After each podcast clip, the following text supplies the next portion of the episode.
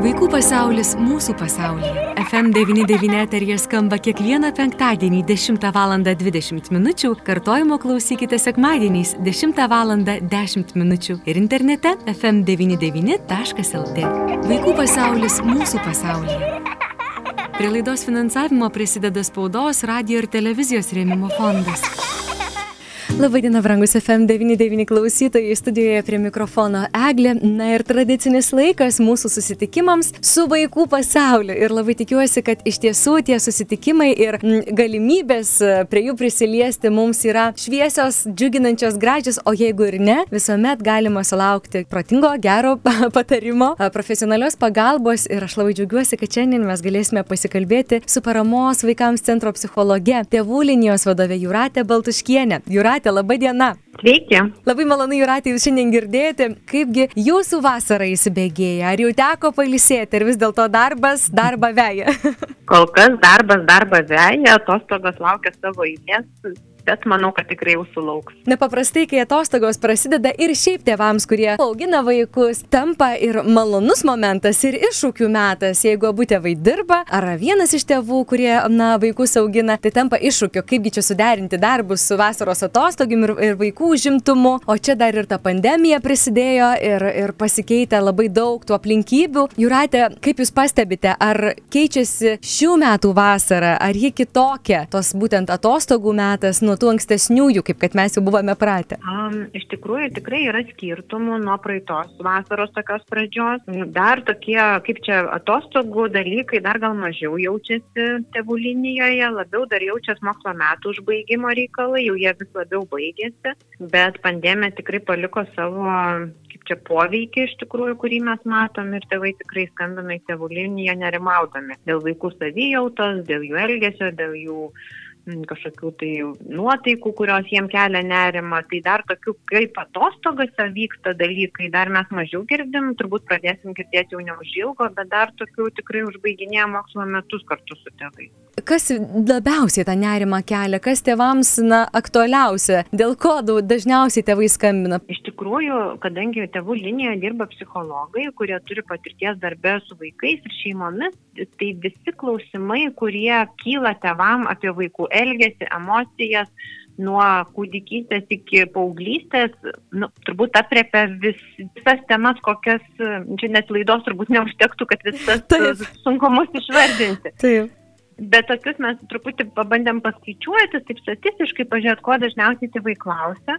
Tai, pask, tai vienas iš tokių paskutinių dalykų labai tikrai girdisi visos pandemijos nuspalvinti dalykai kaip laikyti susitarimų, kaip laikyti saugumo, kaip likti karantinę namuose, kaip norisi įti jau vaikams su bendramžiai susitikti. Tai dabar jau, kai truputį laisvėja dalykai, pasidaro lengviau, bet dar prieš porą mėnesių dar tas labai kėlė daug iššūkių. Taip pat mes girdim, kad labai daug įtampos tokia zona yra mokymasis, kas tai bebūtų, namų darbai, nuotolinis mokymasis, jo poveikis, tėvai mato, kaip tai veikia vaikus, kartais jau nebeaišku, kaip susitarti, kaip, kaip nusiraminti visiems, kaip pasiekti kažkokį rezultatą ir tada tėvai skambina pasitarti. Tada tikrai dabar gal toks nesezonas, bet to jau prasidės irgi tikrai tėvai klausia vairių dalykų apie adaptacijas darželį ir mokykloje. Ir arčiau rudens dažnai tikrai tėvai skambina pasitarti, kad vaikas pradės lankyti darželį arba pradės lankyti mokyklą arba grįž po ilgesnės pertraukos, tai ką daug kas turėjome šiais metais irgi skambina pasitarti, atrasti visokių atsakymų. Taip pat pastebim, kad emocijų valdymas kartais kelia iššūkių tevam tiek savo pačių, tiek vaikų, kai vaikai pyksta, šaukia, nežinau, mėto daiktus, vaidina visokiais žodžiais ir tėvai irgi skambina tokio pasistiprinimo ar kažkokių gal naujų įrankių atradimo, kaip nuraminti vaiką ir kaip susitarti ir išlaikyti gerą ryšį. Tai tokios pagrindinės temas, bet realiai labai, labai daug tų temų yra. Aš tuomet norėčiau gal stebėti jūratę e, kol kas ties mažiausiais ir paskui auksime link didesnių, gerai? gerai. Štai darželiai, anksčiau juk atvedi vaiką, įvedi į grupę, kažkaip dar gali, na, šiek tiek apšilti kojas, kaip sakant, o dabar vaikas iki darželio durų ir viso gero. Ir negali įeiti į, į patalpas, negali jo palydėti, negali daugiau to dėmesio skirti. Iš tikrųjų kelia labai daug nerimo, o kaipgi bus, kaipgi tie vaikai, kaip jie jausis, ar nesijaus palikti ir panašios tokios situacijos. Ar jūs galėtumėte pakomentuoti, kaip tiem tėvam na, nusiraminti ar kaip žiūrėti į tą situaciją? Aš manau, kad čia tokie du dalykai. Turbūt viena yra vaikai, kurie jau lanko darželį ir jiem buvo įvesta šita tokia nauja taisyklė, kad tėvai negali įeiti darželį ir palik, palydyti tik tai iki durų ir pasitinka auklėtojos. Tai mano galva, tas dalykas gana pasiteisino nes e, buvo sutrumpintas atsisveikinimas su tėvais laikas, kas būdavo rubinėlėse, atsisveikinti, persirengti, ir vaikam ne visada lengva paleisti tėvus persijungti ant kito suaugusiojo. Taip, taip. Tai tikrai yra pastebima, kad e, šitoj vietoje gal net įtampos kaip tik sumažėjo. Vaikai jau žino, čia atsisveikinsim, tas laikas yra trumpesnis, štai jau stovi auklėtoje ir įvyksta gana sklandžiai. Aišku, įvairių situacijų būna. Bet šitas gana toks dalykas pasiteisino dėl trumpesnio atsisveikinimo laiko jeigu pradės vaikai lankyti darželį, tikrai aš suprantu, kad daugiau yra nerimo, nes suaugusio, svarbus suaugusio mamos ar tėčio buvimas naujoje aplinkoje bent kurį laiką padeda vaikam irgi apsiprasti ir pasijausti saugiai. Tai aš manau, kad uh, tikrai nežinau, kokie bus vyriausybės nurodymai rugsėjo mėnesį, bet manau, kad darželiai turėdami patirties, kaip patiem mažiausiam yra svarbu sukurti saugumo jausmą, pradedant lankyti darželį tikiu, kad jie ieško sprendimų, kad tikrai perduoti iš rankų į rankas e, bus nepakankamas dalykas. Tai tikrai turim su, sulaukti, bet aš manau, kad darželiai tikrai nu, jie, jie turi patirties, jie žino, ką, ką daro, manau, kad ras kažkokių sprendimų. Štai jūs įratė užsiminėte ir apie emocijų valdymą um, ir vaikų, ir paauglių, ir tėvų. Atrodytų mažesnis vaikas, tai ir mažesnės emocijos būtų, turėtų ar ne, bet tie tėvai, kurie augina vaikus, tai ko gero, na, sutiks su manimi, kad greičiausiai, kad labai net atvirkščiai būna, ar ne, nes mokytis emocijų valdymo tai yra tikrai nemenkas iššūkis. Sakykite, kokie vis dėlto dabar didžiausi didžiausi iššūkiai būtent emocinio valdymo srityje kyla tėvams ir vaikams? Aš galvoju, galbūt yra tokių tėvų, kurie dabar klauso, aš tarp jų beje turėčiau pripažinti, kur taip pat kartais susiduriu ir susimastau ir galvoju, na kaip čia dabar tą situaciją spręsti. Kokios tokios ryškiausios situacijos tėvams, kur, na, tiesiog neranda išeities patys ir jau kreipiasi, jau skambina, pavyzdžiui, kad ir į tą pačią tėvų liniją, apie kurią mes šiek tiek vėliau dar pakalbėsime ir kontaktais būtinai pasidalinsime. Jūs teisi esate, kad kuo mažesnis vaikas emocijos kartais atrodo yra didesnės negu jam augant, dėl to, kad vaikai su laiku išmoko, išmoksta reguliuoti savo emocijas. Jos jau jų taip neužklumpa netikėtai, jie jau žino pavadinimus, kas čia su jais darosi, jau jie yra per gyvenimą gavę visokių pamokymų, kaip elgtis, kai supykti arba kai labai nerimauja, jau jie daugiau gali kalbėti apie tai, kaip jaučiasi. Tai tikrai mažiausiam dar tą sunkiau, jie dar mokosi to, o kuo labiau auga vaikas, tuo labiau kaip ir turėtų jau tos įgūdžių suformuoti, bet aišku, būna visaip. Ir aš galvoju, kokios situacijos turbūt labiausiai iššūkis atsiranda tada, kai vaikas skirtingais amžiaus tarpsniais vaikam pariškėja kažkokie tai poreikiai kad tai skirtingais amžiaus tarpsniais aktualizuojasi skirtingi tokie psichologiniai poreikiai, už kuriuos mažieji didieji labai kovoja. Nu, pavyzdžiui, kokie dvimečiai, trimečiai, jiems toksai didžiausias poreikis yra savarankiškumo ir nepriklausomybė atrasti tokį savęs, nu, va tokį atskirumą, kad aš pats galiu, žodis nelabai dažnai atsiranda. Ir štai jis jau šitą poreikį labai nori visur jį bandyti ir patenkinti, o tėvai susiduria su to, kad jis nebeklauso, nori daryti viską savaip. Ir čia jau yra konfliktas, ir čia jau yra daugiau pykčio situacijų. Kai vaikas e, paauga, keturmetis, penkiametis, šešiametis, jo pagrindinis poreikis yra tokio iniciatyvumo, tokio savo galios pasimatavimo, tokio, ką aš sugebu, tokio, ką aš galiu. Ir tada tėvai galvoja, nu jau per daug truputį sauliaidžia ir reikia jį truputį kaip čia pastatyti vietą. Čia jau irgi galimas pykčio situacija. Mhm ir taip galima žiūrėti per visus amžiaus tarpsnius ir man atrodo, kad kai tėvai ir paskambinė ir į tėvų liniją arba patys, kai domisi, kai jie atpažįsta, už kokį poreikį vaikas čia kovoja. Ir jeigu jiem atrodo, kad e, tą poreikį galbūt vaikui galima padėti pasiekti tinkamais būdais, nu, sakykime, dvimetis, nežinau, bando kovoti už savo nepriklausomumą ir neina valgyti tai gal galima jam pasiūlyti kitą būdą pasitreniruoti nepriklausomumą, ne tai, kad atsisakyti valgyti, štai aš turiu savo nuomonę atskirą, ne tokią, kokią mama turi.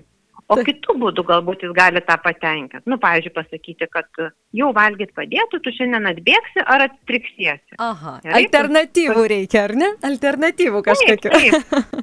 Tai kai tėvai, mhm. man atrodo, tikrai pradeda atpažinti, kad čia ne tai, kad vaikai bando išvesti tėvus iš ploto ir arba su jais kovoja, bet tiesiog savo vidinius procesus bando už juos kovoti ir bando įsitvirtinti, tada tėvams pasidaro labai aišku, aha, tai turbūt čia dabar savo galės tikrina. Mhm. Gerai, tai kaip aš galiu jam užtikrinti galės, kai jis riekia ir keikias ant manęs, nelabai tinkamas būdas. Bet gal aš galiu kitų būdų jį padrasinti ir tada jis nusiramins ir, ne, ir, ir tas pyktis sumažės. Mhm. Tai man atrodo, dažniausiai to pykčio tikrai atsiranda, kai, nu, va, toks pat nesusikalbėjimas. Vaikas siekia savo, tėvai tam ne visą laiką, kaip čia tiksliai, išsiverčia, ką galėtų reikšti toks vaiko elgesys ir tada, aišku, vyksta konfliktas. Ir tada ir vaikas pyksta, ir tėvai pyksta, ir tada tikrai labai nemaloni situacija. Tikrai tokiu atveju turbūt savišvieta yra gera vėliava, ar ne?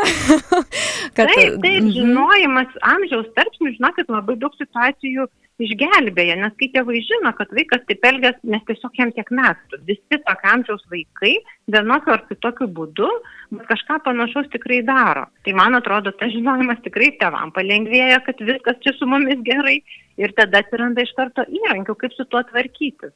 O jeigu galvot, kad vaikas tiesiog, nežinau, blogas vaikas ir, ir kovoja su savo tėvais, tada truputį sunkiau rasti sprendimų.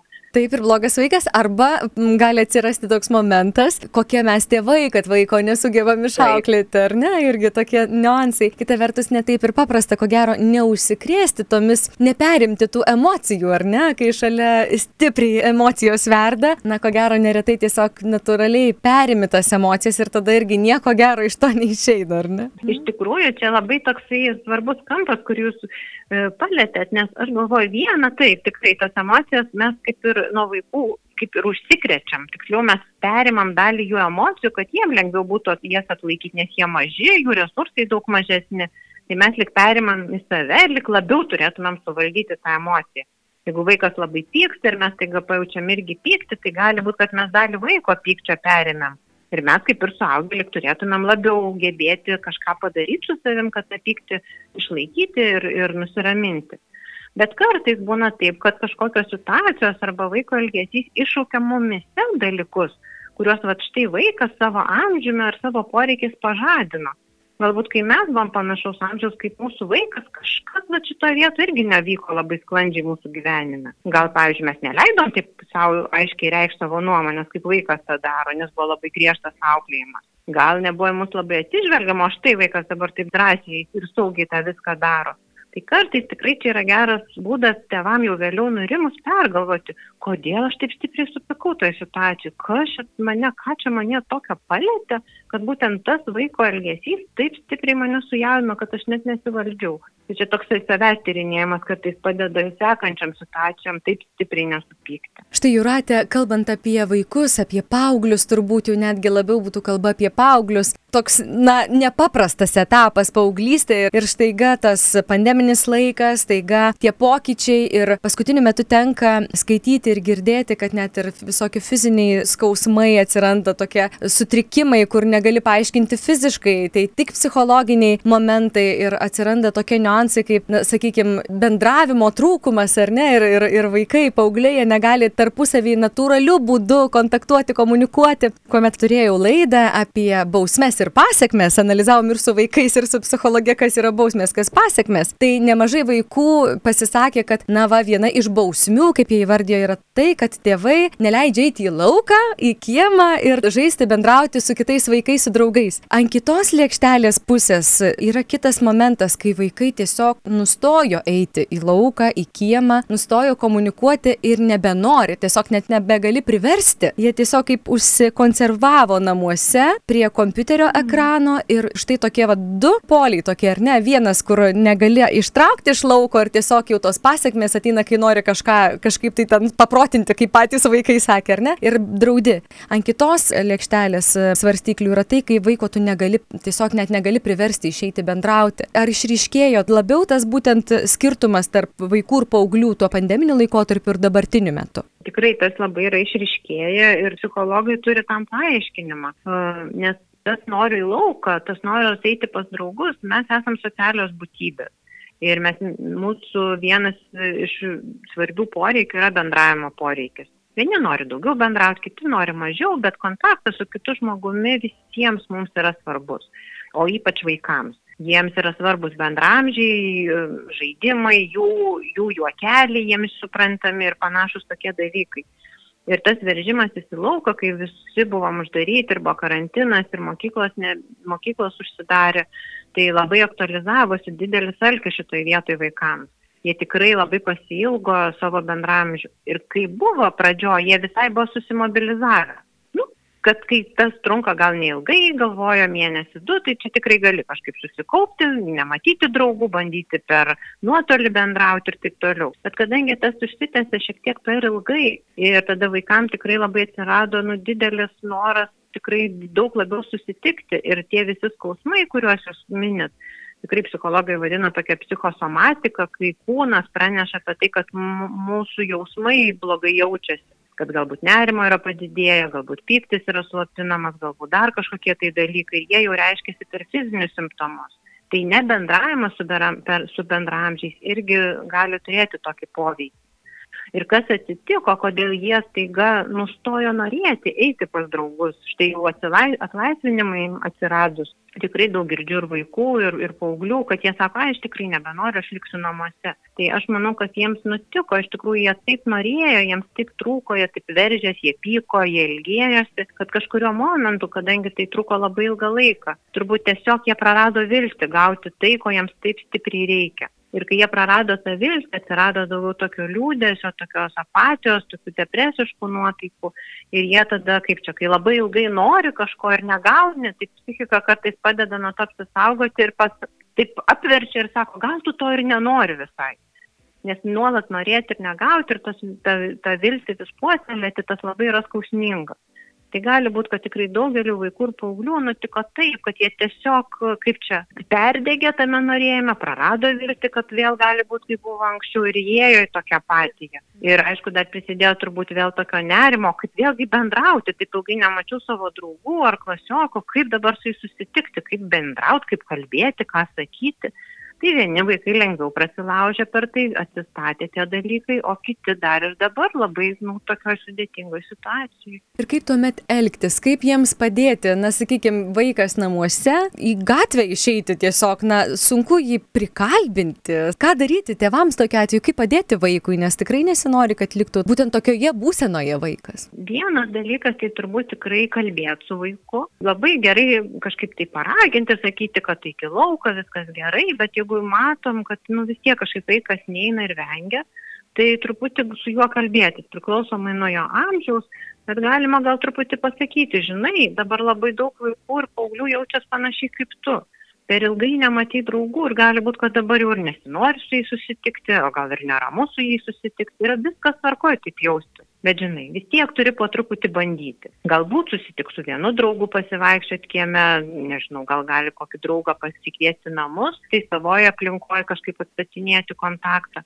Tikrai nuo situacijos labai priklauso, tėvai gali kažkaip tai padėti tuos pirminius žingsnius padaryti savo kažkokią pagalbą. Bet tikrai labai nespausti, nestumti per stipriai, bet ir karts nuo karto truputį paraginti. Bet labiausiai aš manau tikrai kalbėti, kad um, tikrai kaip jautiesi, kaip manai, kodėl nesinori. Ir jeigu vaikai nu, neįvardina, nes ne visi supranta, kas su jais vyksta, tai tada tiesiog normalizuoti ir pasakyti, kad žinai tikrai labai daug vaikų panašiai jaučiasi, tikrai tas karantinas buvo mums visiems per ilgas. Bet žiūrėk, mažai žingsniukais yra geras laikas, mes nežinom, kaip bus rudenį, gal bandykim po truputį.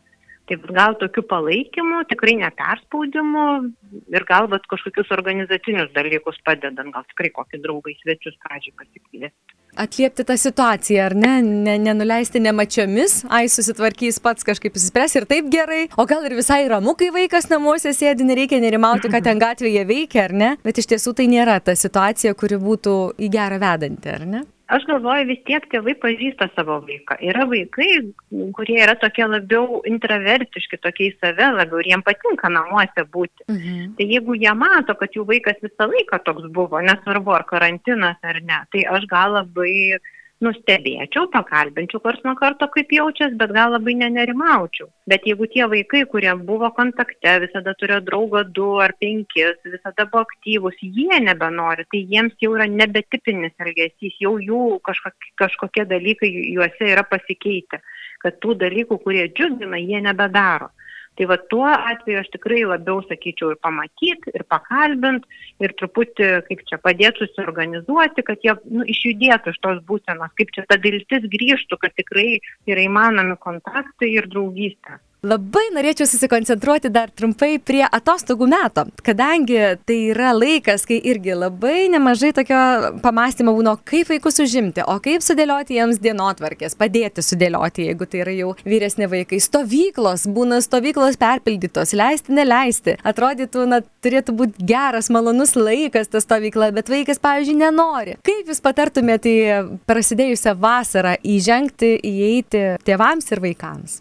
Mhm, čia tikrai sutikčiau, nes šita vasara gali būti kitokia negu prieš tai buvusios vasaros. Vien dėl to, kad va, tikrai vaikai gali atrodo lik nenorėti, bet aš galvoju vis tiek čia tėvų tokio labiau iniciatyvumo ir aktyvumo reikia šitoj vietoj. Aš galvoju tikrai viena dalis, kaip sakiau, kalbėti, kad aš matau, kaip tu jautiesi, suprantu, kad gali nesinorėti, bet žiūrėk, yra toks laikas, žiūrėk, pažiūrėkim, ką tu veiksi, negali sėdėti namuose visą laiką, nes bus tik liūdniau ir liūdniau. Įtraukti vaiką į procesą priklausomai nuo jo amžiaus. Pavyzdžiui, kokiam paaugliui tikrai netiks pasakyti, radau tau tris stovyklas, užrašiau tave, geros tau vasaros. Ne, su paaugliu reikia sakyti, žiūrėk, ar tu turi kokių minčių, kokią stovyklą tu norėtum važiuoti. Ar nori kartu pasižiūrėti, ar tu pats susirasi ir man pasakysi, kur tu nori važiuoti kai mažesnis vaikas, koks pradinukas, tai tada galit gal pasiūlyti kokias kelias alternatyvas, kad jis galėtų pats išsirinkti. Tai didina motivaciją eiti tuos dalykus, prie kurių pats prisidedi, prie jų su, su, susiorganizavimo.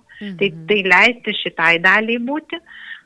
Tada tikrai kažkaip tai supratingai reaguoti, jeigu vaikas sako, aš nenoriu ir taip toliau. Gal galima sudaryti galimybės, kad vaikas kelias dienas nueis, nebūtinai iškart dviem savaitėm ar savaitį išvažiuos, bet nežinau, jeigu tai yra dienos stovykla, gal gali nueiti dieną, dvi, tokiam kaip čia kompromiso radimui, kad bent kelias dienas jisai gal jam labai patiks ir jisai pasiliks, gal užteks tų dviejų dienų ir, ir jam dar per anksti grįžti į, į bendravimą. Tokio tikrai žiūrėti jautriai, bet tikrai kažkuo vaikus užimti, nes užimtumas jisai padeda gerų emocijų pasikrauti, tikrai kažkaip tai atstatyti įvairius dalykus, tai stovyklos, bendravimas tikrai labai irgi padėtų. E, taip pat tėvai turi žinoti, kad vaikų savijauta net pradėjus, net kai kurie gali sakyti, aš labai noriu, noriu visas stovyklas, mama užrašyk mane į visas stovyklas, labai noriu. Gali būti, kad po ilgo nebendravimo su bendramžiais, pavyzdžiui, taip ir negrįžo į mokyklas mokslo metų pabaigoje, užbaigė nuotolinių mokslo metus.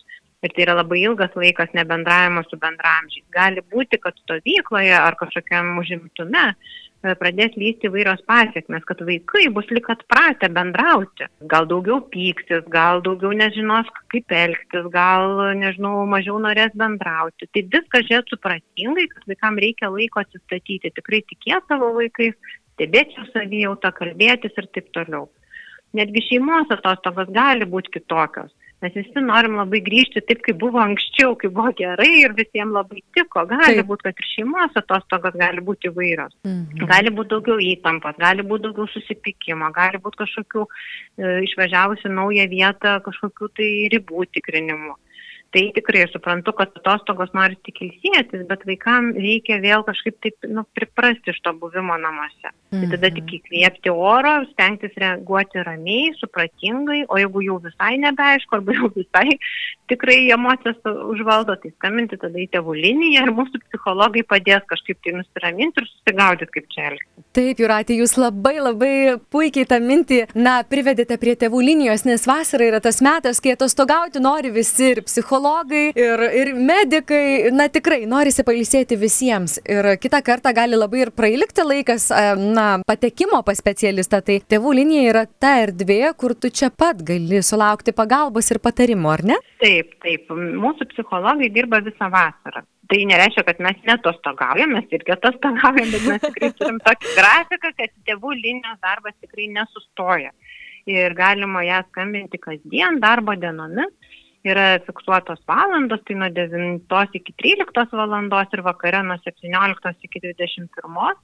Bet praktiškai per tą patį kartą gali būti užimta, jeigu konsultantai kalbasi, bet praktiškai per tą pačią dieną tikrai galima gauti konsultaciją psichologo. Tai tėvų linijos nemokamas anoniminis telefono numeris yra 8 800 912. Mhm. Jeigu netyčia pasimirštų arba dabar negali susirašyti, tai visa informacija yra mūsų internetiniai svetainėje tėvulinė.lt. Yra žmonių, kurie, na gal sunkiau kalba, negali iškalbėti, gal jiems lengviau parašyti tas problemas, kurios kyla ir taip išsikalbėti, išsisakyti ir paprašyti patarimo. Ar yra tokia galimybė tėvulinijoje laiškais, pavyzdžiui, bendrauti? Kol kas ne, kol kas mhm. tik tai yra skambučiai, bet aš vis tiek kažkaip norėčiau padrasinti, tikrai mes sulaukiam, kad mamos ar tėčiai ar seneliai kartais tikrai skambina ir nu, kažkaip nedrasu arba pirmą mhm. kartą bando tą daryti. Tai mūsų psichologijos tikrai ir jautrios, ir supratingos, ir tikrai neskubina, ir tikrai labai draugiškos, ir tie, kurie taip nedrąsiai yra paskambinę, paskui sako, kad keista, kad aš bijojau čia skambinti. tai tikrai kviečiu skambinti, dirba tikrai profesionalų žmonės, tai tikrai jūs nuramins ir atras, atras būdą, kaip išklausyti ir ką patarti. Kalbėjome su Juratė Baltuškienė, paramos vaikams centro psichologė, tėvų linijos vadove, taigi kreipkime, nelaukime, kol iš žiežirbos gaisras kils. Daugiau informacijos interneto svetainėje www.tėvūlinija.lt. Vaikų pasaulis mūsų pasaulyje. Laida iš dalies finansuojama spaudos, radio ir televizijos rėmimo fondo.